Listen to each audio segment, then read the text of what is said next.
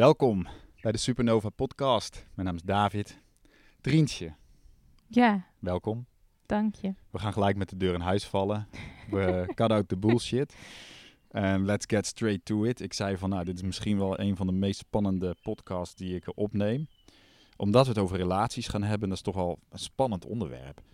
Ehm, ik weet niet, eh, voor ons dan, zeker om daar in openheid over te praten. Maar ergens iets in mij zegt van, ja, het is gewoon belangrijk. Om te delen, zeg maar, iets van ons relatieproces. En onze relatietransformatie, hoe je het wil noemen. Waar we zeker de afgelopen paar jaar, maar misschien al veel langer, zeg maar, in zitten en doorheen gaan. En we hebben allebei heel erg een sterk verlangen en een gevoel van, ja, we moeten gewoon, of we, eh, het is belangrijk, maar we willen ook veel meer authenticiteit en echtheid brengen in onze, nou, in Mm. onze relatie is het er wel, alleen ook naar buiten toe. Ja, zeker. Toch? Sowieso. Ik voel altijd, dat geeft zoveel verbinding. Als we allemaal hè, de Instagram-wereld maar alles hoog houden en alleen maar de mooie dingen laten zien, hè, dan eh, houden we elkaar ook allemaal een beetje voor de gek. Ja, Ik dus- moet er altijd ergens om lachen dat we dan, dan toch denken dat er toch iedereen het ideale leven heeft. Terwijl eh, eigenlijk, hè, ik had gisteren even een, een beetje een breakdown. Gewoon even met het moederschap en eh, alle rollen, alle ballen hoog houden. En ik was echt aan het eind van de dag echt mezelf even kwijt. En toen dacht ik, ik moet gewoon even alleen naar het strand. En op de scooter voelde ik me zo emotioneel. En ik moest gewoon huilen, want ik voelde me tekort schieten in mijn verschillende rollen. En ik voelde me zo zwaar dat ik ook echt wel dacht van, pff, nou, als ik nu tegen een boom rijd. Ja, niet dat ik dood wil, helemaal niet. Maar ik voelde echt een zwaarte. En eh, ja, ja, klinkt heftig, hè? Living the dream. Ik ging dus, ja, precies. Maar ik ging dus aan het strand. Ik wist, ik moet naar het strand. Ik, ik reed ook nog verkeerd. Ik moest terugrijden. Ik moet met mijn voeten in dat zand. En toen kwam ik dus op het strand. Toen ging ik wandelen.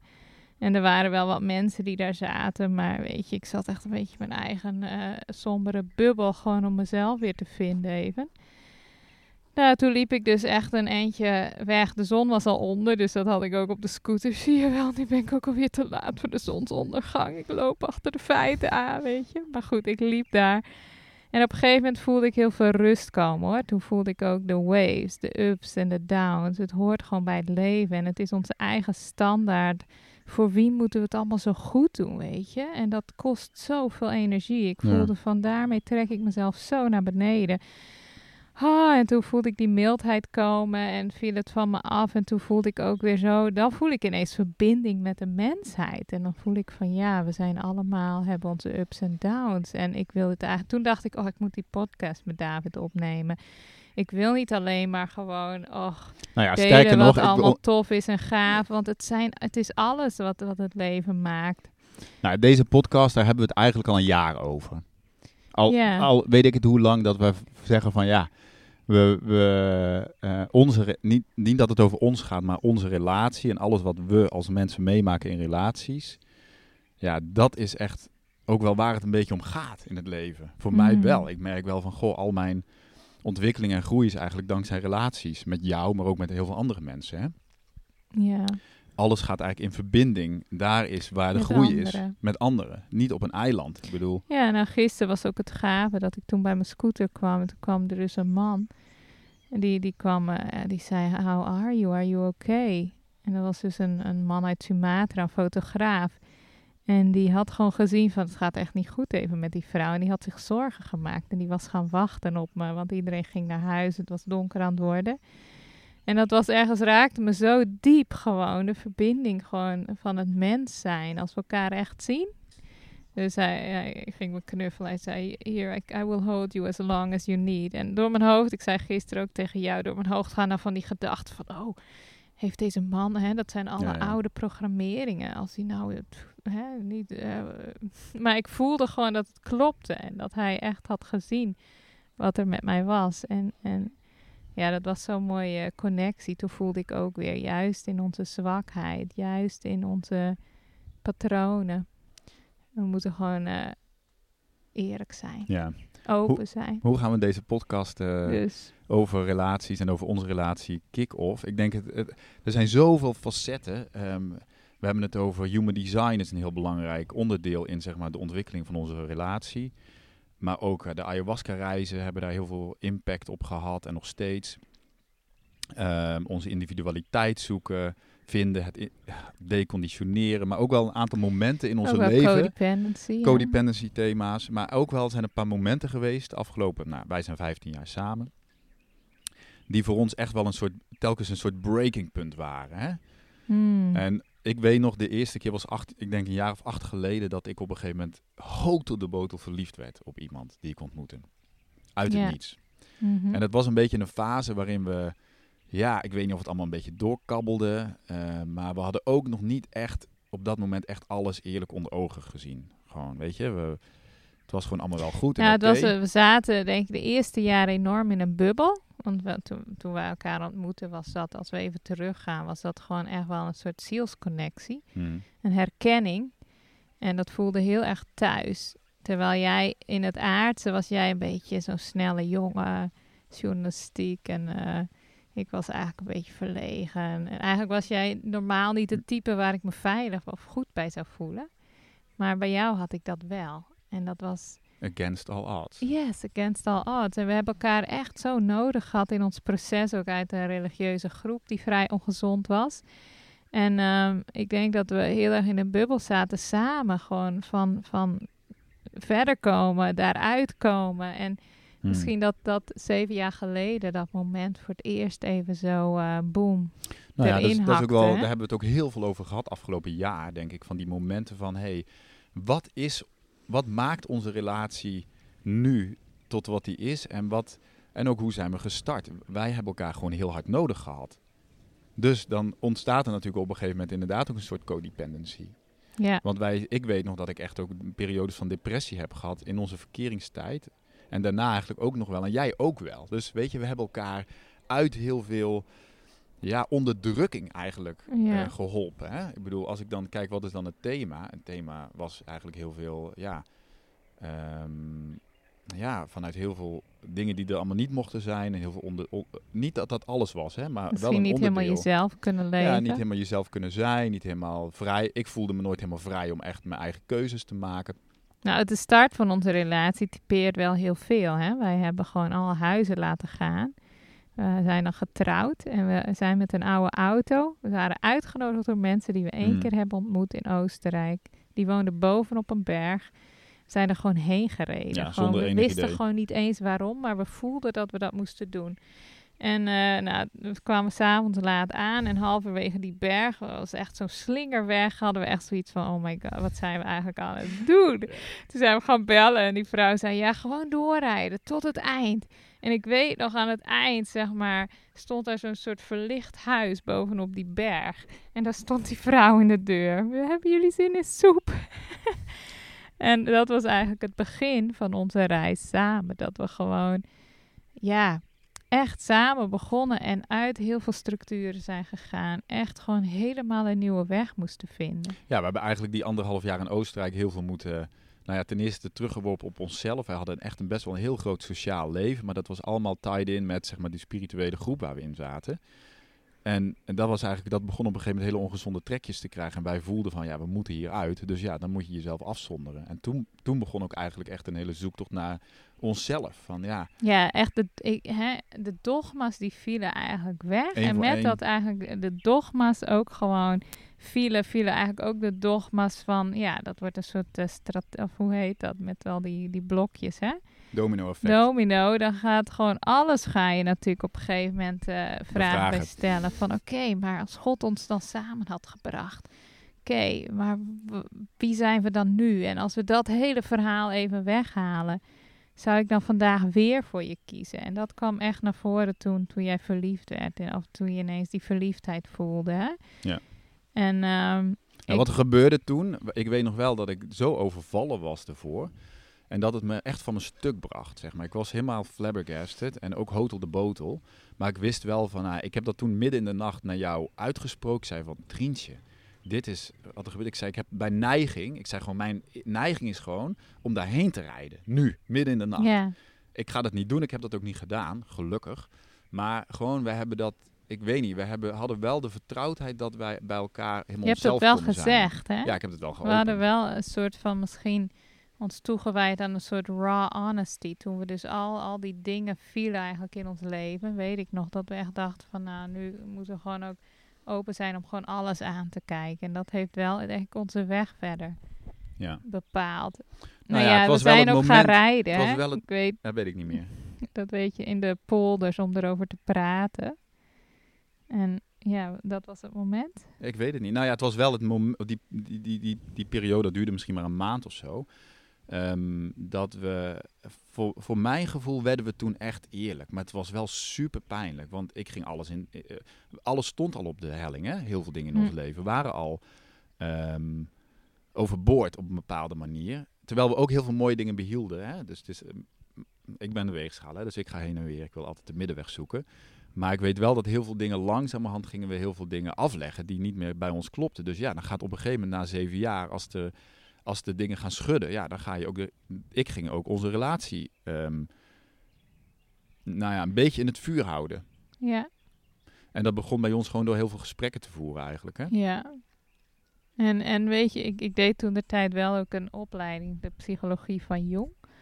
En daar ging het ook heel erg over dat projectiemechanisme. En, ehm, en ook verliefdheid, dat dat heel vaak een hele sterke projectie in zich heeft. En ik weet, dat heeft ons toen ook wel heel erg geholpen. wa- Want ik kan me dus niet herinneren dat ik toen heel erg in paniek was. Maar dat ik gewoon dacht van, oké, maar wat is het dan wat jou raakt in deze vrouw? Ja, En ik weet, dat heeft ons toen ook geholpen. Want het gaat nooit alleen maar om die andere persoon. Iemand roept iets op in jou, vaak een slapend stuk, hè. En bij haar was dat heel erg, zij was supergoed bezig met haar eigen dingen. Dus heel erg een stuk passie voor haar eigen leven en haar eigen... Ik denk dat dat, dat jou toen raakte. En dat heeft ons wel geholpen om dat een plek te geven. En toen, toen gingen die gevoelens uiteindelijk ook weg, hè. Ja, dat is ook interessant. Dat ik dacht van, al, wat wij ook hebben, een van de dingen die bij mij heel erg, dat is iets van de laatste jaren, is human design en de rol van wachten. Hè? En ik, wij hebben toen, of ik heb toen echt wel gevoeld van, ja, ik moet geen actie ondernemen. Dit gaat niet over actie ondernemen of, of weggaan of zo. Ik voelde ook van, dat klopte helemaal niet. Alleen, ja, wat moet je dan doen met die emoties en gevoelens? En ik denk dat we toen een beetje zijn gaan zien van, oké, dit, dit dient zich niet voor niks aan. Ja. Dus je moet er wat mee. En ik heb natuurlijk wel heel lang geleefd in mijn leven met dingen wegstoppen. Onderdrukken eigenlijk. Eh, omdat ze bedreigend zijn of omdat het niet past in onze relatie of wat dan ook. En toen, dat was eigenlijk de eerste keer dat ik wel voelde van ja, ehm, ik moet iets aan, in mezelf eigenlijk aankijken. Ik moet echt, echt gaan onderzoeken bij mezelf van ja, wat is dit, de uitnodiging hiervoor in mijn leven? Dingen gebeuren nooit Nee. zomaar. Dat, ja. Maar goed, we hebben daar toen, zeg maar, doorheen. eh, we zijn daar toen. Dat heeft ons geholpen om echt wel naar elkaar toe, in ieder geval die eerste rauwe eerlijkheid en echtheid, zeg maar, in de relatie te brengen. Ja, Voor mijn gevoel. Hè? ja. Ja, en dat, dat gaf ook wel heel veel vertrouwen gewoon in elkaar. Hè? Dat je dus niet...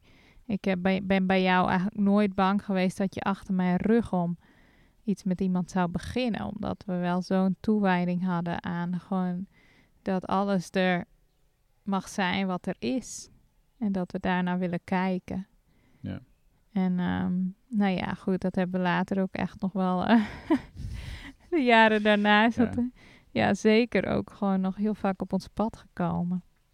Nou ja, wat ik mooi vind in mijn in connectie met jou, is dat wij allebei volledige eerlijkheid kunnen inbrengen. En dat daar dus ruimte en acceptatie voor is. Er is eigenlijk nooit een soort van veroordeling van ja, maar waarom voel je dit? Of ja, maar weet je wel, er is eigenlijk toch een soort nieuwsgierigheid die we allebei hebben. Naar van oké, wat is, wat speelt er nu? Wat, wa- waar gaat dit eigenlijk echt over? Hmm. Weet je, en dat is denk ik voor mij ehm, ook wel een bevrijding geweest om, te, om dus alles in mezelf toe te staan om alles te voelen. Want ik, ik ben best wel heftige emoties en gevoelens, daar deins ik ook wel een beetje voor terug. Het is ook spannend om echt te voelen. Snap je? Zeker verliefdheid, op het moment dat je het echt voelt, duik er maar eens even in dan. Ja, maar ik, je zit al in een relatie, weet je wel? Ga dan maar eens even voelen wat het is. Nou, dat kan super disruptive, zeg maar, op de een of andere manier zijn. En dat is het ook. Ja. En, ehm, maar ja, dat heeft me. Dat Hoe, heeft, hoe, hoe zie je dat in het licht van je achtergrond en de conditioneringen daar? Nou ja, goed, conditioneringen zijn natuurlijk in ons eh, leven, of bij jou en mij, best wel een groot, groot, ehm, rol gaan spelen om echt te gaan onderzoeken bij ons van hey, wat is echt authentiek mezelf? Wie, wat is authentiek van mij? En wat is eigenlijk niet van mij? Ik, ik merk aan mezelf, als ik kijk naar mijn opvoeding, en dat ik eigenlijk heel veel mijn relatie met vrouwen heb ik altijd heel veel onderdrukt. Hm. Hè, wij, wij zijn, hebben eigenlijk, ik ben, ik, ik voel bij mezelf heel erg van, oh ja, ik heb eigenlijk heel vaak toch wel dingen volgens het boekje willen doen. Ik wil het heel graag goed doen, allemaal.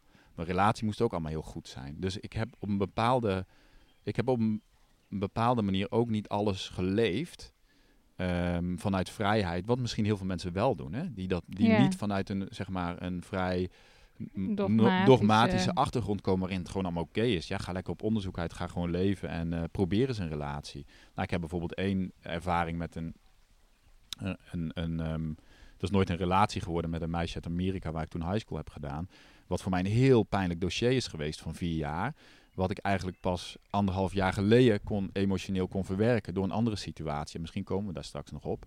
Hè, dus ik voelde wel van oké, ik heb wel ehm, een patroon in mezelf ontwikkeld waarin ik dingen die heel dichtbij kwamen op emotioneel vlak, dat ik die een beetje wegstopte. Dat ik daar Hm. niet echt in durfde te gaan. En dat ik ook bang was om zelf beslissingen te nemen. Bang voor bepaalde gevolgen. Hmm. Eh, Make sense? Of? Ja, ook, eh, hoe bedoel je op relatie? Nou, of dat dat niet in lijn was met eh, wat Ja, er van je Bijvoorbeeld verwacht dat er niet in lijn was met het boekje. Van ja, maar dit, dit Ja, het moest ook, het was heel vanzelfsprekend dat wij jong gingen trouwen. Het was heel vanzelfsprekend dat we kinderen krij- kregen op jonge leeftijd. Dat was niet echt iets wat wij, waar ik ooit bewust vragen bij stelde van wil ik dat wel? Heb ik wel behoefte aan kinderen? Of wil ik eigenlijk wel gelijk heel serieus met jou trouwen? Moeten we niet een paar jaar het aanzien? Daar was geen ruimte voor. Want wij gingen, je ging gewoon trouwen, dat hoorde. En dat, ja, ja. dus daar, dat waren zeg maar, ja, dan word je eigenlijk wakker in je eigen leven. ja, En dan zit je dus eigenlijk in die situatie. ja, Dat kan een enorm spanningsveld geven.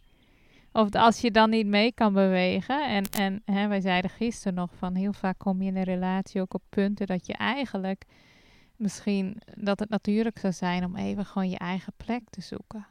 Of je eigen ruimte. Vooral, het is niet de fysieke plek. Je eigen ruimte om ergens doorheen te werken. Hè? Maar wij hebben natuurlijk als mensheid gewoon die structuur bedacht van de lange relaties. Waardoor, je, waardoor het soms heel moeilijk is om echt eh, even die ruimte te pakken voor je eigen processen binnen een lange relatie. Ja, nou ja, het is natuurlijk heel interessant, want wij hebben natuurlijk ook gekozen om een soort van alternatief leven te leiden, naar het buitenland te gaan, onze kinderen uit school halen. Ja, en vroeg of laat komt natuurlijk, is de relatie in die zin ook aan de beurt van, ja, moeten we alles dus volgens een, het boekje doen, noem ik het maar. Maar ik voel dus in mezelf een heel erg druk, dat komt van generaties aan, hè, Mm. o- eh, het op een bepaalde manier moeten doen, dat ik voel van, oh ja, onze relatie is wat wij kiezen dat die is. Ja, Wij kiezen zelf hoe we dit invullen. En er is niet een regel. En ik vind het zelf spannend om dat te zeggen. ja. Ik voel daar, daar zit nog steeds een spanning op. Ja, wat denken mensen Wat, dan? wat, wat, wat voor relatie hebben ze dan nu? Ja, precies. Maar ik heb, ja. ben ook heel veel dingen bij. Wat ik voel is van oké, we zijn veel echter en eerlijker geworden. En eigenlijk hebben wij een echte relatie gekregen. Waarin we al die doosjes en die boxjes en heel veel dingen zijn gaan afbreken. Of door het leven zelf zijn die een beetje gaan afbrokkelen. Dat we nu eigenlijk zeggen van nu hebben we een echte relatie. Alleen die is wel wat dynamischer geworden dan, oh nou, het is allemaal in kan en kruiken. Nee, dat is het niet. Ja, het is eigenlijk wel de tool geweest, ook eigenlijk voor zelfontwikkeling. Hè? Ja. En dat is misschien ook als deze podcast een soort thema heeft, dan denk ik, wauw, relaties kunnen zo'n, zijn zo'n uitnodiging eigenlijk voor eh, zelfontwikkeling ook. Ja. Hè? En, en als wij dus, als ik ook kijk van, eh, wauw, wij waren op een bepaalde manier in het begin, zie ik dat nu als een soort symbiose. We hadden elkaar nodig, dat is ook oké. Dat is niet Ja. met een oordeel, hè? want dat heeft ons wel geholpen om uit een bepaalde situatie te komen. Maar op een gegeven moment kwamen we wel op een punt, zijn we op een punt gekomen waarbij we eigenlijk ook meer onszelf moesten worden. En toen gaf dat wel even een spanningsveld om echt meer los te komen van elkaar. En daarin heeft dat human design stuk ook wel een rol. Hè? Dat ik ontdekte dat ik een manifester ben en jij eh, een generator. En dat ik als manifester eigenlijk gewoon heel erg, ja, gewoon mijn eigen ding moet doen. Ik moet gewoon voelen van wat klopt voor mij. En ik moet wel informeren, zeg maar. Maar eh, we kwamen erachter dat we eigenlijk heel veel omgekeerd deden in onze relatie. Ja, wij deden hè? het totaal omgekeerd. Grappig, wat wel leuk is om te vertellen, dat manifestors, en human design, dat is ongeveer 8% van de wereldbevolking. Nou, en dan een manifester vrouw, dat zijn er misschien nog minder. Ja, dat is best een spanningsveld. Dus dat is een met, enorm- met de cultuur, en zeker de christelijke cultuur. Ja, je bent, jij bent hier eigenlijk om dingen te initiëren. Jij moet hier gewoon eigenlijk helemaal, ja, eh, in, in, in de kern van wie je bent heb je gewoon een hekel aan mensen die jou ja, iets opleggen, die iets van jou willen. En je wil ook niet te veel... Überhaupt vragen of zo. Iemand die, ja, weet je, het is heel interessant om human design. Wat ik mooi vind aan human design is, iedereen kan, je kan gewoon op internet een profiel opzoeken via Jovian Archive. Er komt iets uit, een bepaald type wat je bent, et cetera. Maar het interessante met human design is dat er iets uitkomt, wil niet zeggen dat je dat ook leeft. Dat jij als manifester ook leeft zoals een Het manifester hoort te grappige was leven. dat ik het dus herkende. En het gaf ergens een soort van bevrijdend gevoel. Maar ik leefde totaal niet. Maar ja, ik, ik liep ook best wel heel vaak vast in mezelf. Omdat ik het niet leefde. Maar wist ik veel. Ik was natuurlijk ook geconditioneerd om als vrouw een bepaalde rol in te nemen. En te denken dat ik als vrouw in een relatie, in het gezin...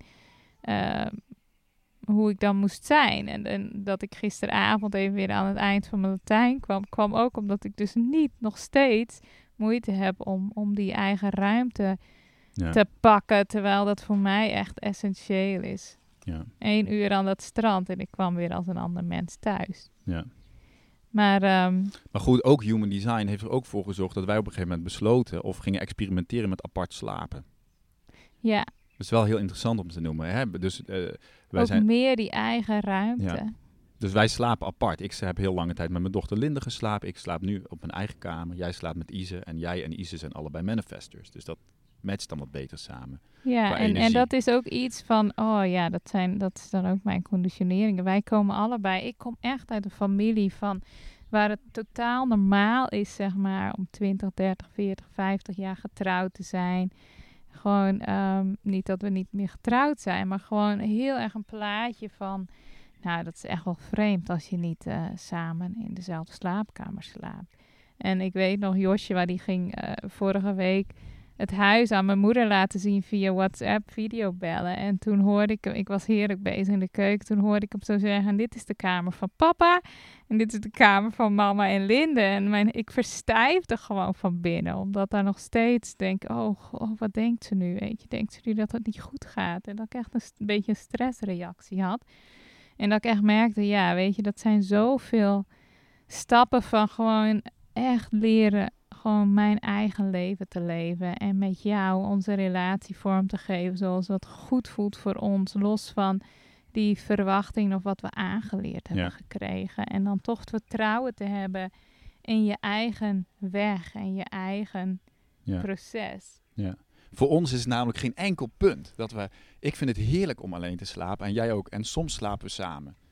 Maar Ja. gewoon het idee dat ik gewoon mijn eigen ruimte heb. In, in mijn eigen, in de human design zeggen ze van je moet gewoon in je eigen aura zijn. Omdat je elkaar ook beïnvloedt daarmee. Nou, dat, dat merken we ook. Dus op het moment dat het bewustzijn aangaat, hè, dan ga je dat ook wel ervaren. En ehm, om dus, hè, het, het, eh, ik zeg helemaal niet met deze podcast, iedereen moet gewoon lekker zijn eigen, moet zijn eigen pad gaan. Ik zeg niet dat het voor iedereen is, alleen het, in onze ontwikkeling is het eigenlijk heel erg zoeken van, hé, hey, maar wat past eigenlijk bij ons? Wij, wat, hoe, Ja. hoe vinden wij het fijn om onze Liggen- relatie vorm te En geven? liggen daar nog zoveel taboes dan op? Nou ja, Of- ik denk, eh, ik voel dat van wel, maar dat kan dus ook in mezelf zitten. Hè? Ja. Dat dat bij mij zo zit, omdat wij allebei heel erg uit een heel ehm, traditioneel christelijk milieu komen, waarin de, de ja, waarin er onbeschreven regels en normen, normen zijn waar je eigenlijk gewoon aan moet houden. Dat hoort zo. ja. En wij zijn heel veel dingen gaan ontdekken die bij ons als individu passen, maar dus ook en dan kijken van hoe kunnen we dat dan samen vormgeven. Nou, dat is best wel een heel ingewikkeld proces ook. Ja, er zijn echt momenten dat ik denk van jeetje, Trientje, waar moet je toch altijd alles weer anders doen? Waarom, hè? Oh, ga gewoon lekker gewoon op de automatische piloot. 10 jaar, 20 jaar, 30 jaar, 40. Nou ja, dat werkt, bij ons werkt dat blijkbaar niet. Wij hebben, zijn Ja. hier blijkbaar gekomen, wat jij zei, we hebben een bepaalde zielsconnectie. Ja. En voortdurend helpen wij elkaar verder. Zeg maar, Ja. als we het hebben over die codependency. Nou, we hebben de afgelopen jaren, dat is een heel pro- een proces waarin we al een paar jaar zitten. Omdat allemaal, is dat heel hard bij ons binnengekomen van oké, wij hebben echt wel patronen in onze relatie. Waarin we elkaar, ja, emotioneel en in een soort onderstroom heel erg op elkaar gingen leunen. En op het moment dat je dus je eigen identiteit gaat veel meer vormgeeft en ik ging meer mijn ding doen en jij jouw ding. Oeh, dat is ook spannend. Van ja, Als je elkaar op zich niet meer zo emotioneel nodig Ja. hebt. Van wat is er dan nog? ja, als wij elkaar niet meer nodig wat is hebben. dan de connectie? Ja, dat is eigenlijk toch een supergoeie vraag om te stellen. Ja, En eigenlijk kom ik iedere keer nog steeds tot de conclusie dat je heel leuk vindt. je bent nog steeds, het is nog steeds, ja, hebben- waardevol genoeg of dat we ergens iets samen hebben wat, ja, maar ergens dat, dat je toch ergens blijft kiezen voor elkaar of in ieder geval dat dat niet een soort keuze is aan het begin en dan daarna dan, Neem je eh, het voor granted. ja, neem je het voor granted. Nou ja, en, we hebben eh, natuurlijk ook wel momenten gehad dat we echt hebben gezegd van moeten we er een eind aan maken. Aan onze, aan onze relatie. ja, of het anders nee, vormgeven. ja. We hebben het ook gehad over een andere vorm. Ja, we hebben alle, bedoel, alles- allerlei fases gehad en dingen gevoeld. En, ehm, en daarin waren ook weer ontmoetingen met andere mensen toch wel een, een achteraf een hele mooie trigger. Hè? Want eh, we hebben allebei wel gevoelens ook gehad voor anderen. En in plaats van daar dan gelijk in te springen, te denken van nou, dit moet dan mijn nieuwe partner zijn. Om echt te kijken van, hè, weer Ja. zoals we dat die eerste keer al hebben gedaan toen. Wow, wat raakt me eigenlijk hier? En wa- waar ben ik dan naar op zoek? En ehm, wat, wat wordt er in mij geraakt? En wauw, dat heeft wel heel veel opgeleverd. En Ja, ook, ook een keer, ik ben, we zijn ook allebei wel eens open, hebben we dat gedeeld met iemand waar we gevoelens voor hadden. En wat dat dan oplevert, zeg maar, dat is ook wel, ja. Eigenlijk zijn- prachtig, maar Ja. ook wel... eh, wij voelden dus ook dat, dat thema van... Wij, ik, ik zei op een gegeven moment tegen jou van Trientje... ik ga gewoon niks meer wegdrukken. Ik ga gewoon niks meer onderdrukken in mijn systeem. Ik doe dat gewoon niet meer. Want dat voelde heel ongezond. Van, oh, er is iets... Maar ik ga dat ontkennen of ik ga dat heel hard wegstoppen, want dat mag niet of het hoort niet, whatever. Hè? En ehm, toen hebben we eigenlijk al, alles in verbinding bij ons gezegd van nou, ga het maar openen dan. Dat heeft ons heel veel gebracht. Maar ook natuurlijk is dat super spannend.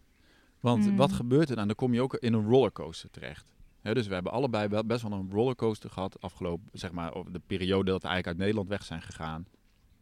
Bij Tijd en Mijlen is dat een enorm proces geweest van onszelf vinden, voelen van wie ben ik eigenlijk, wat voel ik eigenlijk, wat leeft er in onze relatie nog. Ehm, en En, het ook, ontrafelen dus Ja. van eigenlijk die persoonlijke stukken. Hè? Want uiteindelijk, ja, heel veel wat we dan... heel veel dingen die je terugziet in je eigen relatie... zijn ook vaak gewoon je eigen moeder- en vaderthema's. En, eh, en om dat dus te gaan zien... En daarin vind ik het woord reparenting zo mooi. Hè? Om dus dan niet meer dat, dat te zoeken bij die partner... die dan een soort van ouderschapsrol ook op een bepaalde manier emotioneel heeft. Mhm. Om dat gewoon voor jezelf te leren zijn, bevrijdt ook de relatie weer op een andere manier. Nou ja, ik denk Ja. wel dat we in de, alles wat we emotioneel hebben doorgewerkt, we hebben echt wel heftige tijden gehad. Dat ik daarin, dat we wel voelen van wij zijn veel sterker geworden als persoon, in, als individu. Eigenlijk Ja. ben ik nu nergens meer bang voor. Ehm, of het, misschien is dat niet helemaal waar, maar ik voel wel van oké, heel veel angsten die ik dus had over onze relatie en over bijvoorbeeld andere vrouwen. Heel veel van die ja, stukken die, die, die beginnen wel echt op te klaren. Dat ik van, denk van nou ja, weet je, ik ben gewoon David en ehm, we leven en we voelen van alles. Ik voel vo- eh, voortdurend van alles.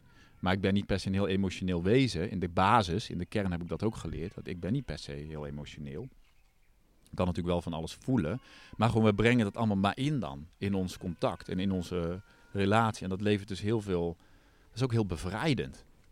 Ja, En telkens terug zeggen van... Ja, sorry, maar dit is echt jou. Die, ga jij er maar mee dealen, want dit is echt van jou. alsjeblieft. Alsjeblieft. Ja, ga maar, ga maar kijken dan wat je wil. Ja, ik denk dat dat wel een van de, de, de dingen is. Kijk, zolang het altijd aan een ander ligt.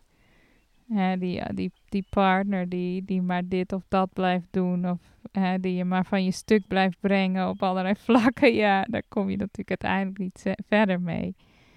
Hè, het, het is echt de weg van, wow, maar wat wordt er in mij geraakt? Of geef ik dan wel mijn grenzen aan, weet je? Ik vind, hè, jij hebt ook op een bepaalde manier, kan jij best dominant zijn. Maar ik heb dus ook een probleem met grenzen, wat dan ook weer een codependency ding is. Hè? Dat je echt moet leren je eigen grenzen aan te geven. En echt ook je eigen ruimte te pakken. Eigen, hè, dat blijft voor mij, daar zit ik nog, nog steeds ook in, in dat proces van er echt voor mezelf zijn in een gezin. Hè? Want ik denk wel eens van ja, oké, als ik dit proces nu of tien jaar geleden als single of als ik verkering had gehad, dan had ik misschien gezegd van joh, ik heb even tijd voor mezelf nodig. Ik moet even helemaal, uh, ik ga eat, pray, love naar Bali. Ik, ga, ik ga zeg maar de spullen op een rij krijgen voor mezelf en gewoon met mezelf zijn. Weet je, maar dat, dat als, ja, die timing, die heb je niet, hè? Ja, dat gaat zoals het gaat. Dus wij waren al natuurlijk, zaten in een relatie met kinderen. En in één keer kom je dan in zo'n proces. En dan is het zoeken binnen die setting. hey, hoe kan ik daar ruimte aan geven? Daardoor, omdat we natuurlijk zo open wel zijn met elkaar. We hebben ook wel samen lopen zoeken van, hé, hey, wat, wat heb jij dan nodig? En hoe kunnen we dat dan vorm, vormgeven? En ja, ik ben ook eigenlijk door de afgelopen jaren best ook zelf wel weg geweest. Hè? Dat doet mij altijd goed, een paar dagen weg. Ja. En toch blijf ik soms in die valkuil stappen dat ik het niet op tijd ja, doe. doe. En dat ik dan bijvoorbeeld zoals gisteren dan toch even weer vastloop. Maar dat, ja. Nou ja, ik weet niet. Als ik jou dit hoor zeggen, denk ik, ja, en de basis gaat ons proces over je op eigen benen staan. Je eigen individualiteit weer omarmen. Um, jezelf dragen. Jezelf dragen en je eigen keuzes maken in het leven. Ehm, en volgens mij is dat ook gezond. Maar wij hebben natuurlijk ook kinderen, je hebt samen gezin. Dus er zijn natuurlijk wel grenzen aan. En je maakt, wij maken ook afspraken met elkaar over hoe we dat dan doen. Ehm, Iemand zei jaren geleden, weet je nog, daar maak ik wat een beetje grapje over. Omdat die vrouw nou een beetje apart was. Je weet het al. de A-relatie en de H-relatie. Dat is echt al jaren geleden dat iemand daarover begon. De A, hè, dan steun je echt op elkaar. En als één kantje dan wegvalt, dan val, val je om. En de H, dan heb je dus, dan sta je rechtop, hè. Ja. En dan heb je wel een verbinding, maar ja, die is dan vrij. En, en nou dat is misschien wat ik voel van ja, hoe vrijer die verbinding wordt, hoe meer dat denk ik ook kan opbloeien en, en, en mooier kan worden, zeg maar. wat, wat, wat mijn worsteling dus is, als intern, is dat ik dus heel erg leef met een bepaalde druk dat ik moet voldoen en dat het heel goed moet zijn. Die relatie en dat huwelijk en dat moet allemaal voldoen aan een bepaald plaatje. Dat zal uit mijn opvoeding of generaties komen. Maar dus mezelf vrijmaken van ik wil, mijn liefde moet gewoon vrij zijn. Weet je, het moet niet komen omdat het zo hoort. Het moet niet komen omdat er een verwachting is van jou of van de omgeving of de maatschappij of van wie dan ook. Dat moet echt helemaal uit mezelf komen. En dat proces aangaan, ja, dat is best wel, ja, dat is een heel, hele weg. Ja, ik, ik ben ook eerlijk. Ik heb echt wel eens gedacht, gewoon ook omdat ik dat bij jou zie. Ik denk, ik ben meer een independent seal, zeg maar. Dat is ook mijn manifester. Ja. Je hebt niemand nodig in je leven. Mm, ja, nou dat zeg je wel. Maar dus toen jij natuurlijk ook een paar keer gewoon een, connectie had met iemand. Waar trouwens dat het mooie is dat we ook gewoon afspraken hebben van... hey, onderzoek dan wat voor connectie je hebt met iemand. Hè? Als het een vrouw is in jouw geval, bij mij een man. Wat dat is. Maar weet je, was wel heel duidelijk voor mij en voor jou... van nou, als dat seksueel is, dat voelde voor mij echt te ver, hè? Ja. Als het een lichamelijke relatie of zo wordt. Maar gewoon echt het onderzoeken emotioneel van wat zit daar. Maar uh, dat vond ik toen op een gegeven moment, vond ik met vlagen ook wel moeilijk. Toen merkte ik ook, oké, bij mij zit daar ook nog wel een soort uh, uh, stuk, een, een, een, ja, een stuk wat zich dan onveilig voelt, waar ik dan ook doorheen moest. Maar um, nu ben ik mijn train of thought even ja, kwijt. Ja, dat, dat dacht ik wel. Nou ja, goed, het is ook zo. Het is ook, het is ook ingewikkeld om te leven met een open.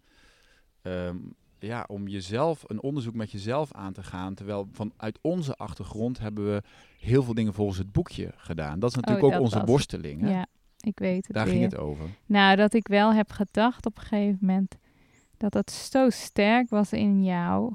Dat ik dacht, is dat de enige manier hoe jij jezelf daar kan van, van kan bevrijden? Is door een hele rigoureuze keuze te maken. En gewoon bijvoorbeeld um, je huwelijk af te breken. Hè? Gewoon tegen echt alle generaties voor jou in ehm, gewoon om te zien van wauw, als dat is wat jij echt voelt dat je moet doen, Ja. om dat te doen en jezelf eigenlijk vrij te zetten. Ik heb echt wel eens gedacht van wow, zou dat David zijn weg zijn naar groei en vrijheid. Innerlijke vrijheid. hè? Innerlijke vrijheid, weet Ja. je? Want En- la- wil ik ook zeggen, het is voor mij nooit, het gaat voor mij uiteindelijk om een, inner, een, een, een innerlijk gevoel van vrijheid, maar ook veiligheid. Ja. Dat ik me innerlijk veilig en vrij voel om mezelf te zijn.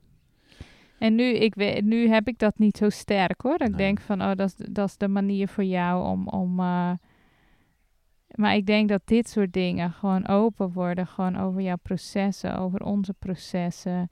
Dat dat ook al heel veel daarin doet, hè? Ja, dat is super. Dat, voor mij is dat heel bevrijdend om te zeggen van oké, er is ruimte om, ehm, om te bevragen en ook om te onderzoeken. Ik heb, ik heb Mag je zijn wie je Ja, bent. Met, En ik heb ook wel eens gevoeld van ja, ik. ehm, ja, ik, dus het ontkennen van jezelf en het ontkennen van, van, van mij en mijn eigen gevoelens, om dat niet meer te doen. Dus daarmee omarm ik wel mezelf, wie ik ben. En dat is natuurlijk een heel mooi proces. ja. Van oké, kan ik mezelf omarmen ook als ik bijvoorbeeld iets voel van een andere persoon waar ik een enorme klik mee voel? Mag Ja. dat dan? Of veroordeel ik mezelf dat ik, dat, dat er is? En dat heb, dat, ik ben eigenlijk mezelf daarin gaan omarmen en zeggen van David, er is niks mis met jou. Maar Ja. ga dit maar even onderzoeken. Ga maar even kijken wat dit is. En ja, dat is natuurlijk voor ons best wel spannend geweest, maar het heeft ons ook heel veel opgeleverd, allebei. Hmm. Ja, en ik denk ook nog altijd van het feit dat, dat we daarin gewoon open en eerlijk kunnen zijn. Het, eh, hè, en niet dat dat dan achter elkaars rug om moet gebeuren. Ehm, ja, dat vind ik echt zo waardevol. Ja. Want dat geeft juist ook de verbinding en de emotionele ruimte om dus gewoon meer ook te ontdekken. Gewoon meestal gewoon eigenlijk over jezelf. Ja. Hè? Want het, de gedachte dat er een persoon rondloopt die, die alles voor je dan is. Ja, Nee, maar het is ook interessant om te zeggen van in, in jij moet alles voor mij zijn. Ja, Dat is natuurlijk het beeld. Hè, van Ja. Je bent met iemand, je dedicate je ja, leven aan iemand. En Trientje, princess moet prince. al, jij moet al mijn verlangens, al mijn whatever, dat moeten wij allemaal vervullen in elkaar. Iedereen weet dat dat een sprookje is, dat dat Walt niet bestaat. Disney. En toch, en toch zit dat concept gewoon, denk ik, in onze subconscious. Ja, is ook zo. Maar goed, in, in, in de kern gaat het gewoon om, inderdaad. Voor mij gaat het gewoon om ehm, eerlijk worden naar elkaar en naar mezelf. En dan doorheen werken en groeien. En dan, wij vinden elkaar iedere keer weer. ja, Ja, ja, dat vind ik ook wel prachtig. ja. Ja, toch. Ja, Maar goed, we hebben wel-. We hebben wel, ik bedoel, ik heb ook niet eh, ook behoefte om in allerlei details te treden. En Misschien komt dat nog wel eens, maar dat ik ook wel voel van ja, het is ook, dit is ook gewoon het leven. Weet je, dit is ook gewoon daadwerkelijk een relatie hebben en dingen aangaan in onszelf en in elkaar. Mm. Ik bedoel, wij hebben ook niet altijd harmonie. En, en op een gegeven moment herinner ik me wat Rokus ooit tegen me zei: van ja, een relatie gaat niet om harmonie. Het gaat om kun je groei en kun je evolutie creëren voor elkaar, een ontwikkeling creëren. Dat is waar een relatie over gaat. Niet over moeten we, we moeten zorgen dat we geen conflict hebben. We moeten altijd het fijn hebben. Ja, wat ben je dan mee bezig? Ja, Hè, dus dat is denk ik voor ons ook een heel belangrijk punt kwaliteit geworden. boven kwantiteit ook sowieso. Ja, nee, maar we hebben het super vaak hartstikke fijn met elkaar en met het gezin. Alleen Maar Dat is soms is, niet- het ook moeilijk. Soms is het ook moeilijk. En soms hebben we ook momenten dat we denken van... pff, wat, wat doen we elkaar aan? Toch? Momenten. Ja, denk je dat soms? Ja. Nou ja, Ja, omdat je natuurlijk wel, wel echt gewoon eh, alle oude pijn naar boven laat komen. Hè? Of tenminste, heel vaak is, is het geworteld in oude, oude pijn. Ja. Afwijzing. Ja. Eenzaamheid. Niet jezelf durven zijn. ja, ik denk dat dat het wel de kern is. Ja. Ja, ik vind nog altijd, we zaten net wat te lezen ook over codependency. Hè? Ik denk ehm, om die dingen te herkennen ook gewoon. ehm, hoe, hoe, hoe, hoe zag jij codependency eh, patroon in onze relatie? Nou ja, ik denk dat ik die vooral... Die, die zag ik helemaal niet. Maar nu achteraf. Ja, natuurlijk. Ik zag wel denkt- van... Oh ja, ik heb wel echt op een heel...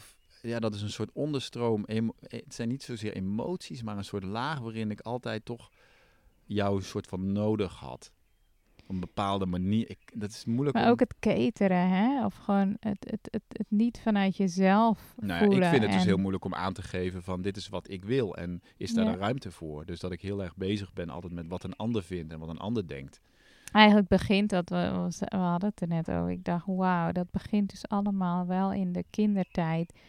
Dat je eigenlijk eh, niet wordt begeleid in wie je bent. En gewoon zelf voelen wat je nodig hebt in verschillende situaties. Het schoolsysteem gaat ook niet over jou en wat jij wil en nodig hebt.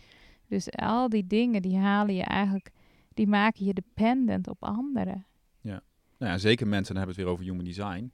Zeker mensen zoals ik, die dus een open emotioneel centrum hebben, een open mild centrum. Nou ja, goed. Ik, ehm, ja, dan, en, en mijn dochter Linde heeft dat ook. Dan bij dus eigenlijk, dat noemen ze dan de empaths. Hè? Dat zijn de HSP-mensen. Dan, dat je dus heel vatbaar be- bent voor wat er in je omgeving speelt. Ik ben dus op een gegeven moment gaan zien dat ik, waarvan ik altijd dacht dat ik heel emotioneel ben, dat dat allemaal vaak emoties van anderen zijn. Hmm. En dat als ik gewoon met mezelf alleen ben, nou, dan ben ik echt niet emotioneel. ja, dan ben je heel rustig. Dan ben hè? ik heel rustig, dan ben ik heel, ik ben ook vrij mentaal, dan ben ik helemaal niet op en neer, weet je, ik ben eigenlijk heel stabiel daarin. Maar op het moment dat ik me verkeer in een, in een omgeving waar heel veel geschud wordt, ja, dan brengt dat verwarring. Ja, En human design is ook interessant omdat het ook ingaat op waar kun jij imprintingen van anderen krij- meekrijgen. Met name natuurlijk in de eerste jaren van je opvoeding. En om dat dan later te gaan ontdekken van, oh, maar ik heb dus een heel patroon, een overlevingsstrategie of whatever. En dat is eigenlijk helemaal niet wie ik ben. En dat breng ik nu mee in onze relatie. Nou, dan Ja. mag je dat weer gaan afpellen samen. Dan kun je weer samen aan het werk van, nou, laten we dit maar even gaan eh, ontrafelen met elkaar. ja, anders kom je het wel in de volgende tegen. Nou ja, ook dat natuurlijk. Kijk, in de kerk, ik denk dat we ook zijn gaan zien van ja, uiteindelijk ehm, ja, is ook je relatie met jezelf. Ja, klinkt zo bijna een dooddoener, hè? maar het gaat natuurlijk vooral ook om de relatie die je met jezelf hebt. Dat je van Ja, daaruit die ander dat ontmoet. is de basis. En dat, dat ergens zit er nog steeds in mijn systeem iets wat dan denkt, oh klinkt dat egoïstisch. Maar dat is zo, zelfs hè, Jezus zegt van hou van, van je naast als van jezelf. Het begint allemaal bij onszelf. Hè, de Ja. relatie die we met onszelf hebben en hoe we naar onszelf luisteren en hoe we onszelf ruimte geven. Dat bepaalt gewoon hoe we, wat we kunnen zijn voor iemand anders. Ja. En ik probeer nu ook, weet je, ook, ook onze kinderen, als ik dan kijk, dan denk ik, wauw, gisteren ook, Linde deed, er ging iets niet goed. Toen zei ze, oh, ik ben ook zo'n, eh, ik weet niet wat ze zei, van oh, oh, iets negatiefs over, over haarzelf. Wauw, en dan zit ik daar echt gewoon, dat raakt me dan zo. En dan heb ik daar wel een gesprek over met haar. Gewoon boven alles in je leven. Je moet altijd eerst gewoon je eigen beste vriend zijn. Weet je, en wij ook, weet je, soms wil je toch in die opvoeding weer controle uitoefenen. Maar dan denk ik, wauw, ook in het, in het licht van dat codependency verhaal. Wow, wij kunnen ze nu empoweren om constant naar binnen te gaan en zelf te voelen. Ja.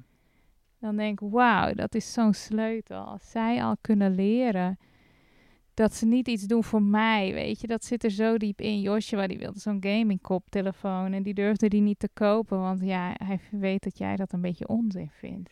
En toen stond ik in die winkel, weet je, ik kan er gewoon bijna om huilen. Ik zei, Joshua, dan is dit een superbelangrijk moment. Want jij leeft voor jezelf, oké? Je hebt papa is in jouw leven, maar jij moet leren zelf te voelen wat jij wil. En als jij gewoon blij wordt van die koptelefoon en jij voelt van binnen dat jij hem gewoon wil, dan ga je hem nu kopen om eigenlijk aan jezelf te laten zien dat dat belangrijker is. Nou, en toen had hij echt wel een soort innerlijke wroeging. En dat is dan ook een stukje controle natuurlijk van jou, wat, wat naar boven komt. Maar dan heeft hij hem uiteindelijk gekocht. En dan denk Maar ik werk eh, daar dan dus mee. Ik werk dan met, oké, hoe kan ik leren loslaten? Een zoon die best wel wat wil gamen. Hè, ik denk dat dus ook dat stuk, daar probeer ik weer naar mezelf te kijken van, oké, waarin, eh, wat zijn mijn controleneigingen? ja. Maar goed, ik zie ook wat jij zegt, dat inderdaad wat wij in onze kindertijd, dit soort dingen, en ook bij Linde, ja, dat breng je dan later dus mee in een relatie. dan maak je dan, Dan ga je dus word of zitten pleasen, ja. naar je partner toe. Dus dat begint allemaal. Ik ging het zo duidelijk zien de afgelopen tijd. Ja. Dus eh, ook onze kinderen, weet je, dat wij eigenlijk gewoon, ja, dat je toch ergens soms ideeën hebt over wat dan goed is voor ze en om om ze echt hun eigen lessen te laten leren in vrijheid, om ze het zelf te laten voelen. Wauw, ik denk dan maak je, dan geef je iemand, eh, hè, dan geef je ze een basis in zichzelf. Hmm. En dan denk ik, wij zijn dat nog aan het zoeken. Maar voor ons je. gaat het heel erg over, voor jou en mij gaat het heel erg over de kracht vinden om onszelf te zijn. En om ons eigen pad te ja, banen zijn in het dat nu leven. aan het doen. Ja, en om onze eigen keuzes te maken in onze relatie en in hoe wij leven, zeg maar. Eh, Natuurlijk hebben we al heel veel. Jezelf vertrouwen, jezelf voelen en dan ook vertrouwen dat wat je voelt, dat dat gewoon goed is voor je. Allemaal dingen die wij dus nu later nog weer moeten leren. Hmm. Ja, dus ehm, Nou ja, ik denk wel dat het een levenslang proces is hoor. ja, Maar goed, ik wil je niet uit de. uit de droom helpen. ik, denk, ik bedoel, ik moet wel zeggen, ik, ik ontmoette van de week iemand van 24. En toen was ik echt flabbergast. Toen dacht ik, wauw, deze man heeft gewoon zoveel zelfbewustzijn over wat hij wil en wie hij is. Dat ik echt dacht van, oh my god. Ja, jij zei tegen mij dat hij, ik geloof het 24 ook ik zei, die man is 24. Je gelooft het bijna niet. Ehm, maar goed, het zegt misschien ook iets. Maar dat geeft helemaal niet. Iedereen Maar wij heeft zijn zeiden, eigen... hij had ook een moeilijk pad al bewandeld, hè? Ja. Waarin hij voor zichzelf moest kiezen. En dat, maar het gaat niet over die, die persoon. Maar het gaat... Hè, ja. uiteindelijk is het heel erg van... Iedereen heeft op allerlei bepaalde vlakken in je leven... Heb je misschien een bepaalde ontwikkelingsslag... Die je gewoon nog moet maken in het leven. Dat is oké. Weet je, dus daarin voel ik ook weer van David... Ja, het is allemaal oké. Daarom ook zo'n podcast. Van laten we het nou niet doen alsof het allemaal... De eh, timing perfect is moet altijd zijn. goed, denk ik altijd. Hè? Gewoon de timing in jouw leven, in ons leven. Als iets zich aandient, dan, Ja. ja. dan klopt dat gewoon. Nou ja, en bij mij eh, is het ook zo dat er bij mij, eh, op dit moment of afgelopen twee jaar, anderhalf jaar, een enorme Pluto-transit is, wat heel, heel erg voor transformatie. Dat gaat over transformatie. En dat ik be- dat een onbewust, of misschien wel mijn zielkant of een onbewust deel van mij, heel erg alles in het vuur is gaan houden. Van Ja. mijn relatie, mijn kinderen, mijn leven, mijn, ba- mijn werk. Mijn, eigenlijk alles ben ik zeg maar in het vuur gaan gooien. Van, en wat blijft er nog staan? Weet je wel? Ja. Wat is nu nog... ehm, wat klopt er nog? Is dit Ja. echt? Is dit meant to last? Weet je wel? En ja, dat is best wel een heel ehm, heftig, spannend proces. Als je gewoon alles in, onder het zoeklicht gaat houden. Nou, dat heeft mij best wel... ehm, ja, een- aantal ayahuasca-reizen zijn er ook best wel heel cruciaal in geweest. Waarin je dus, weet je, als je niet alles bereid bent om alles in je leven aan te kijken, dan moet je dat niet gaan doen. Geen ayahuasca Dan moet je geen ayahuasca gaan drinken. Want het kan heel heftig zijn. Want eigenlijk alles wat je om, in je on- onbewuste is, dat kan naar boven komen. Dat bij mij gebeurde heel veel patronen kwamen naar boven die ik ging zien bij mezelf. Van, oh my god, David. Weet je wel, ehm, patronen dan, hè. Maar ook patronen in, je, in onze relatie kwamen er heel veel van die, van die codependency en heel veel patronen naar boven waarvan ik voelde van oké, maar dit, dit, dit klopt niet, daar moeten we aan werken. Eh, maar ik ben in feite gewoon die relatie ook in het vuur gaan houden. Ja. Ehm, ja, dus dat is best wel. eh, Ja, een paar keer voelde ik echt alsof het vloerkleed onder mijn voeten vandaan getrokken werd. Maar niet zozeer dat dat een hele bewuste keuze was van nou, nu wil ik eens even onze relatie. ehm, ja, weet je, laten we dat eens doen. Nee, het, het is helemaal niet leuk. Weet je wel, niet, het, het was niet per se, het is niet per se Ja. mijn keus geweest om te kijken van nou, gaan we eens ehm, ehm, ja, onze relatie een beetje opschudden. Dat is ook gebeurd, zeg maar. Hmm. Hè? Eh, Omdat het de juiste tijd was, denk ik. Ja, ik, ik denk ook, weet je, ik hoorde ook al van vriendinnen of vrouwen om mij heen. Hè, ehm, jeetje, ik snap niet hoe jij dat doet. Hè, omdat David gewoon best ook eh, aan het onderzoeken was, gewoon. Maar ik voelde, zeg maar, ook vanaf het eerste moment, het was zo'n absurde situatie, hè, want je vertelde net even dan over die liefde van je high school periode. Je ontmoette hier een vrouw die dus gelinkt was aan deze liefde, zeg maar. Echt letterlijk. Die, Het was letterlijk een klik. Of- Ja, ja. en, en deze vrouw, die, die bracht dat allemaal naar boven in jou. En weet je, ik kon dat zien. Ik wist ook van, ik wist ook dat die vrouw, zeg maar, hier in jouw leven kwam om jou emotioneel gewoon op te schudden, weet je. En ik wist ook van, als ik dus hier nu, wat ik wist, ik kan dit ook gewoon, ik kan ook tegen jou zeggen, David, ik, ik wil dit gewoon niet, gewoon in mijn leven. En dan ben ik weg, weet je. Als je hier gewoon eh, mee Een onderzoek gaat mee aangaat. een ja. onderzoek mee aangaat. Dat had ik best wel kunnen doen. Dan had jij waarschijnlijk de doofpot in jezelf erop gelegd. Want ik Ja, weet klopt. dat je onze Dat relatie en onze kinderen gewoon super belangrijk vindt. Maar ik dacht, waarom zou ik dat doen? Want ik wist gewoon dat Want ik wist dat jij op emotioneel vlak toen, hè, dit begon zeg maar misschien anderhalf jaar geleden, dat op sommige dingen echt nog best wel dicht zaten. En ik wist van ja, dit gaat iets openbreken. Hmm. En ik wist van ja, wil ik dan bij jou blijven met een doofpot erop? Ehm, terwijl je eigenlijk gewoon jezelf, dus je, je route stagneert. Ja, waarom zou ik dat willen? Weet je, dat voelde ik toen zo diep van binnen. Weet je, ik wist gewoon van ja, het is altijd de weg als dingen boven kunnen komen. Als, als, als iets open gaat. Weet je, dat, dat levert altijd zoveel meer op. En misschien omdat we ook het vertrouwen hadden van je gaat niet achter mijn rug om iets doen. Nee. Hè?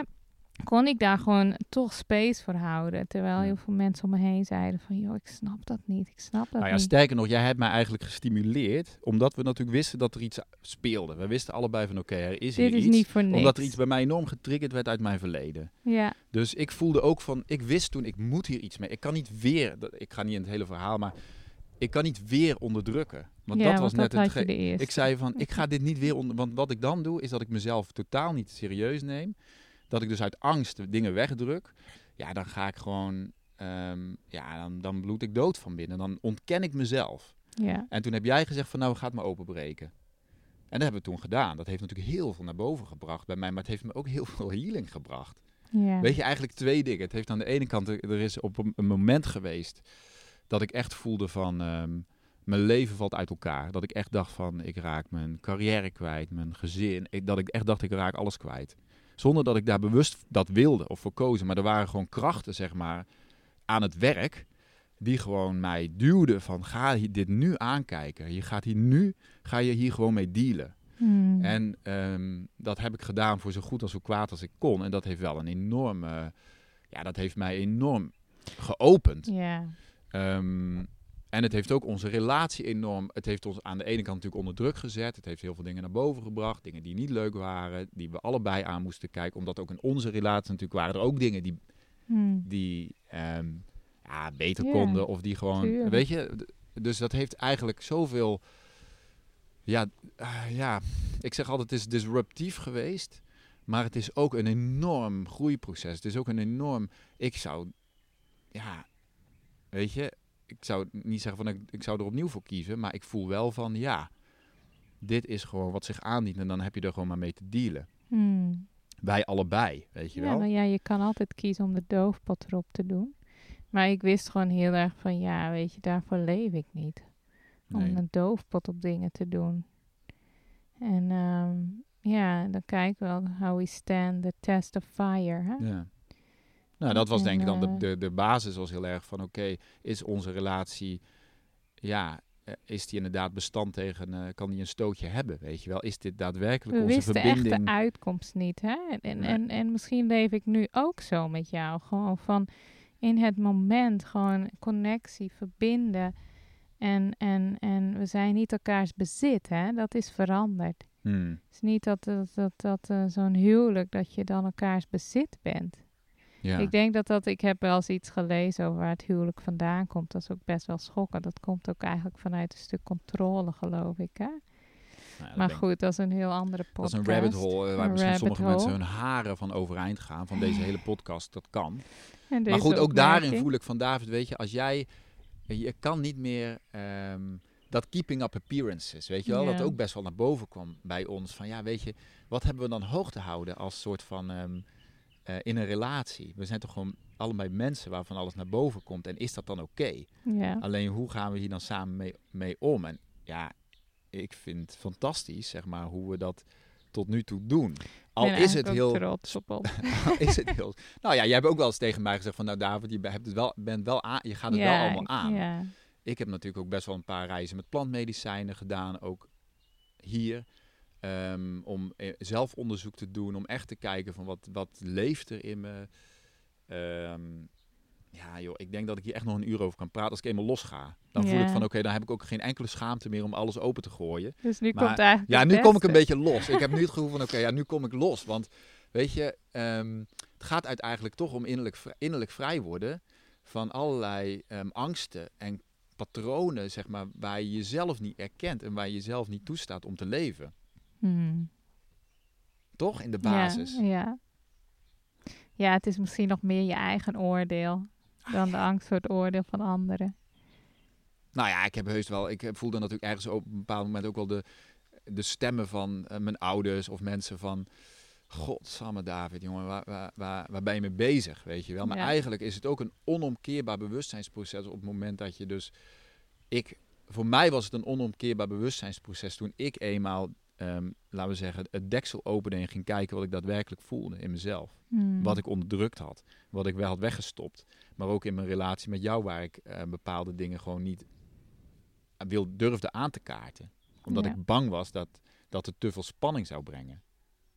Weet je wel, dus ja, dat zijn natuurlijk best Ah, wel... hè? Ja, dat zijn, Wat zijn we toch bang voor bepaalde emoties nog steeds? ja, ik denk dat misschien is dat wel de grootste angst die er is. Angst voor emoties. Angst om te voelen. Ja. Hè, dat gaat om angst om te voelen, maar- maar dat gaat ook om angst voelen om echt te gaan leven. De angst om, om misschien wel je pijn te voelen.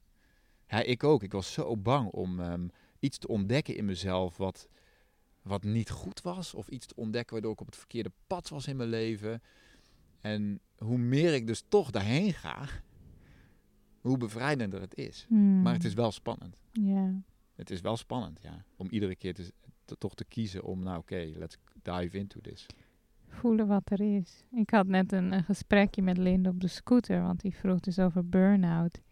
Wat gebeurt er dan, zei ze. Dus toen had ik het daarover dat je dan zo lang niet eigenlijk naar je gevoel, naar je lichaam luistert. Zoveel stress dat je op een gegeven moment je lichaam er eigenlijk gewoon mee stopt bijna. Burn-out is echt gewoon voorstadium voor eh, orgaanuitval. Dat is echt super extreem. Ja, maar Maar ik zei, dat begint ergens, Linde, dat je eigenlijk gewoon dus helemaal niet voelt hoeveel last je ergens van hebt en hoeveel stress en dat je daar niet naar kan luisteren.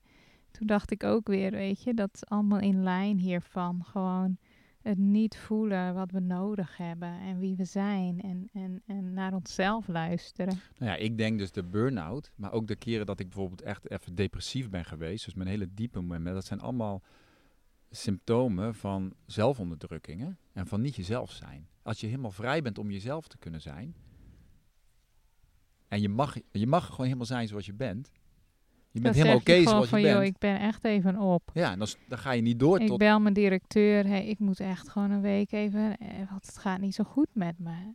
Hè? Ja, dan voel je dus wat je nodig hebt. Ja, En ik Geef denk aan, ik heb dus geen, no- geen ervaring met burn-out, misschien ooit een keer, maar wel met dus ehm, gevoelens van ja, depressie is een groot woord, maar wel neerslachtigheid.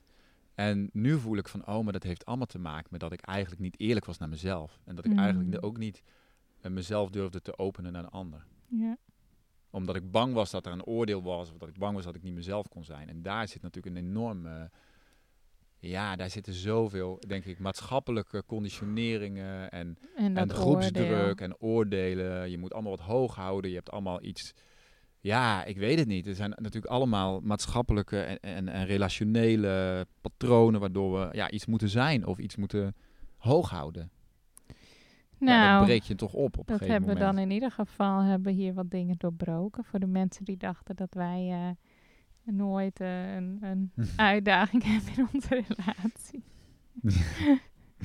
Nou ja, en we hebben nog steeds, het is een ongoing onderzoek en proces met elkaar van waar staan we nu, wat klopt voor ons, hoe gaan we ons leven invullen naar de toekomst, hoe doen we het ook praktisch, nou ja, whatever. Kunnen nog, Mhm. kunnen we nog een tweede podcast over doen. Ja.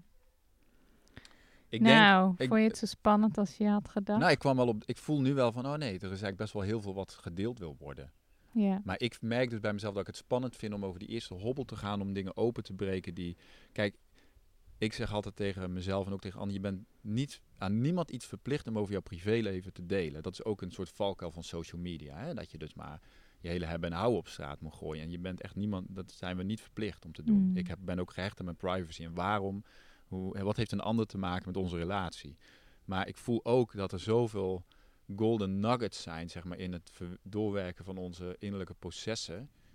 Dat het is ook te mooi en waardevol om het maar voor onszelf te houden. Hmm. Weet je, en ik voel ook dat in het openbreken van dit soort thema's als relaties, dat daarin heel veel bevrijding is. Hmm. Voor mezelf, maar ook voor de mensen die luisteren. Weet je, dus ik, ja, ik vind dat inderdaad best wel spannend. En ik denk dat we nog wel een paar stapjes verder kunnen gaan. Maar ik heb ook ergens het gevoel dat we dat moeten doen. Ja, misschien kunnen we een soort serie opnemen. Dus ja, dus ik voel wel van ja, dat gaat Ja. uiteindelijk om relatietransformatie en om je eigen, ei- eh, ja, een, een onderzoek met jezelf aangaan. En bewustwording op allerlei stukken die, ja, die, ehm, Eigenlijk ook heel veel innerlijke kindstukken. hè? ja, ook dat, enorm. Die worden, eh, dat innerlijke kind is zo bang om verlaten te Ja. worden. Daar zit zo'n groot stuk ook. Ja. God, wat heb ik Ja. daar die angst gevoeld. Hè? Ja. Die angst om alleen te, achter te blijven, de angst om alles kwijt te raken, de angst om ehm, ja, verlaten te worden door jou. Hè? Jij bent ook iemand die dus vanuit je design steeds meer eigen ruimte nodig heeft. En echt Ja, dat is voor jou prachtig, maar dat is ook een, daar moet ik ook mee dealen. Dat jij ook je, je eigen weg in het leven aan het vinden bent. En Ik weet ook hoe jij geworsteld hebt in het verleden. Want we hebben al heel veel meegemaakt samen. En nu ben jij enorm aan het opbloeien. Met je bedrijf en in je werk. En er zijn heel veel dingen. Wauw. Mm. Dan denk ik echt van wauw, super cool. Maar, Heeft ze me nog wel nodig? maar jij hebt mij niet meer nodig. Weet je, dus dat is ook best wel confronterend. Snap je? Ja, ja, maar Voor de ja. provider. Hè? eh, ja. Nou ja, dus, maar het is ook mooi. Dan kunnen we een H gaan vormen. Ja. ja. Nou ja, weet je, het feit dat je dus niet meer omvalt hè, als, als één, één hè, dat je echt gewoon zelf kan staan, dat is natuurlijk wel, vind ik een prachtig beeld. Ja, tuurlijk. Vind Dat eigenlijk wat je dan deelt en geeft aan elkaar, dat dat een soort kers op de taart is. En niet om te overleven samen. Ja. Ja, daar word ik wel een beetje emotioneel van. Mag, mag. Nee, maar het is ook emotioneel. Ik denk relaties, voor mij ook. Weet je, ik ben, een enorme emotionele tijd. Ja, sinds we vertrokken uit Nederland. Ik bedoel, ga maar, wat, wat, als ik dan kijk, denk wat heb ik gedaan? Ik heb niet alleen het land achter me gelaten, mijn kinderen uit school gehaald. Maar ik ben ook nog op een enorme spiritual journey gegaan met mezelf. Waarin ik mijn hele relatie en alles wat ik heb in het vuur heb gehouden. Wauw, het was best wel veel. Weet je, ik zeg niet dat ik er nu ben, maar ehm, ja. Ja, nee, dat is ook het leven. Dat je is ook een mooi week- avontuur, ja. We hebben nu met de kinderen, doen we nu in, we zitten nu aan het strand bij Uluwatu. En eh, daar is geen schooltje of zo. En we zouden dus eerst, eh, de meiden zouden naar zo'n school gaan. Maar dat viel een beetje tegen. Er waren de eerste week wat vreemde dingen. Dus nu doen we 's ochtends twee uurtjes school. En er zijn superleuke momenten. Maar laatst hadden we ook een ochtend dat het gewoon niet ging. En dat we echt gewoon gefrustreerd waren. En oh, dan kan, ja, dat, dat kan dat nog steeds gebeuren. Echt zo'n moment van, oh, waar zijn we mee bezig? Weet je, echt zo'n breakdown. En, en dan moet je het gewoon even voelen. Komt er even zo'n paniek. En dan eh, Ja. Ah, even doorademen. Nou, dat hoort natuurlijk wel bij een soort van entrepreneurial journey, waar je een nieuw, een, ik zal niet zeggen dat wat wij doen nieuw is, er zijn natuurlijk veel meer mensen die het doen, maar er zijn niet zo heel veel mensen in Nederland die ik ken, die zeg maar, een- ja, die dit doen. Ja. En ehm, ook daarin zijn wij ook gewoon ehm, ja, het is gewoon onderzoekend, pionieren dus in ook wel een beetje pionieren, ja. Maar goed, ja, dan heb je de dag daarna weer het heel fijn. En dan eh, ja, zie je weer heel veel mooie momenten die eigenlijk dit, deze levensstijl oplevert. Ja, Ja. en dan denk ik weer, ja, het is het app en vloed. Het is het allemaal. ja. Nou, dat resoneert ook bij mij enorm. Van weet je, het, is, het leven is beide. Het is en fantastisch mooi. En het is som- soms ook, ga je even heel diep. Weet je, en dan is het. Maar dan niet paniek, hè? Dat, dat kan ik dus nog steeds een beetje hebben. Dat ik dan paniek voel als het dus even eh, moeilijk is. Oh, Alsof ja. ik dan denk van, hé, hey, ik heb iets verkeerds gedaan. ja. Dat. Daar zit zo'n eh, gekke programmatie. Als het niet goed gaat, dan heb ik ergens een verkeerde afslag genomen. Dat is echt super absurd. Ja. Want eh, alsof er dan een soort van eh, route is die dus helemaal, die helemaal perfect loopt. Nou waar nooit iets misgaat. Maar dat dus komt dat natuurlijk. zo'n rewiring bij mij ook. Ja, maar dat komt ook wel omdat we nu op een punt zijn dat we eigenlijk niet echt meer makkelijk terug kunnen, zeg maar, naar Nederland en onze kinderen weer op school kunnen doen. Als het gaat om onderwijs. Ja, maar we, Dat- zouden, we zouden natuurlijk hier ook iets kunnen vinden. Er zijn nog steeds natuurlijk heel veel, veel mogelijkheden. Ja, klopt. Ja, Huh? Oké, whatever. Ja, Er is altijd een oplossing en het is altijd minder erg dan we denken in het moment. ja en, en, en ja. En dat is ook interessant, dat ik af en toe, en dat is het mooie van een observer zijn, ik schrijf er wel eens over op Instagram, dat op het moment dat ik zeg maar, soms dan overkomt het me en dan kijk ik naar mijn kinderen en dan, dan, dan eh, ben ik gewoon de observer en dat vind ik prachtig. Dan ben ik niet not involved met mijn ego. En dan denk ik van, oké, soms zie ik ook mezelf op die manier en ons leven. En dan moet ik ook weer lachen. Dan denk ik van, oh ja, het is ook allemaal... En Osho heeft dan zo'n hele mooie Niet zo quote over, over van, ja, weet je, eigenlijk is alles grappig. Zelfs je verdriet is grappig en je pijn en je drama is ergens ook grappig. Het is allemaal, hoe, in het moment is het niet leuk, maar het is ergens ook allemaal een spel. Het is ergens ook Mm. allemaal, als, je afstand, als ik afstand kan nemen van mijn eigen drama en alles wat ik creëer in het leven wat een beetje ja, emotioneel is, dan kan ik ook weer naar mezelf kijken en lachen en denken van, oh David, wat ben je weer allemaal mee bezig, jongen.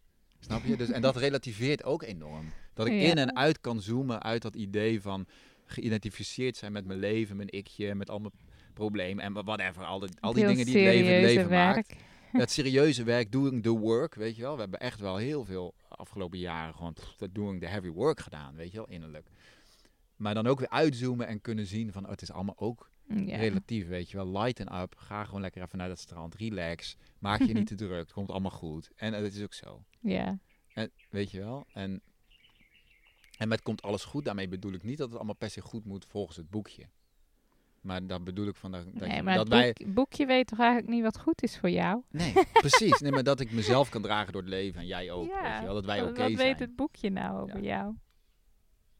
Ja, I'm writing my own book. hè. ja, precies. Schrijf je eigen boek. Schrijf je eigen verhaal. Ja, en dat is misschien ook wel de, de, hetgene wat ik ben gaan zien van, heb ik, ja, of wij, hebben wij als mensen het lef om echt ons eigen verhaal te gaan schrijven? Hebben wij Mm. de moed om ons eigen pad in het leven te, te ontdekken en dat te gaan, weet je wel? En veilig is gewoon, ik voelde dat ook al, veilig is alles bij het oude laten, maar dat is eigenlijk ook niet veilig. Want dan voel je, ik voelde dan dat knagende gevoel van, ja, ik leef niet echt en ik wil leven. Mhm. Weet je, nou dan, dan gaat maar even iets het vuur in.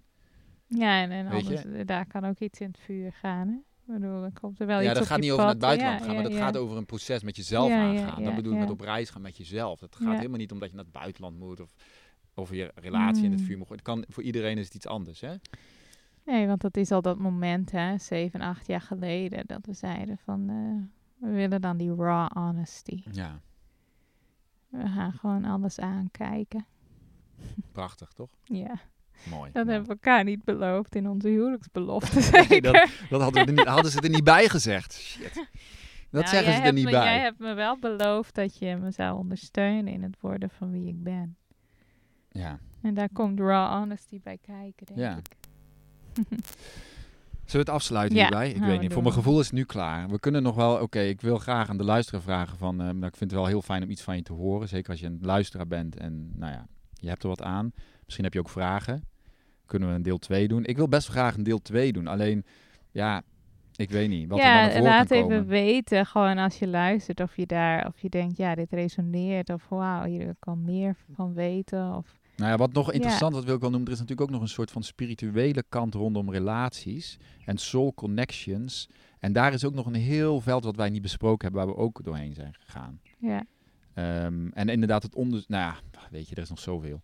Zielsconnecties ja. met andere mensen. Ja. Kijk, wij hebben dat heel erg ervaren bij elkaar, Maar ook met dus maar we iemand anders. dus ook, ja, je kan Ja. iemand ontmoeten met wie je dat ook hebt. Dan Maar hoe moet je- dat- dat interpreteren? Hoe moet je, moet je dan gelijk een relatie met iemand beginnen? Hè? Dat, dat- dat is heel interessant.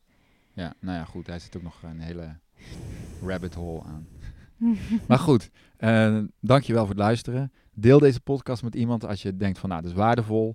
Ehm, feedback kun je sturen naar supernova.davidpieters. Je kan mij volgen op Instagram en Trientje ook. Waar ze met haar meisjesnaam is Trientje de Vries.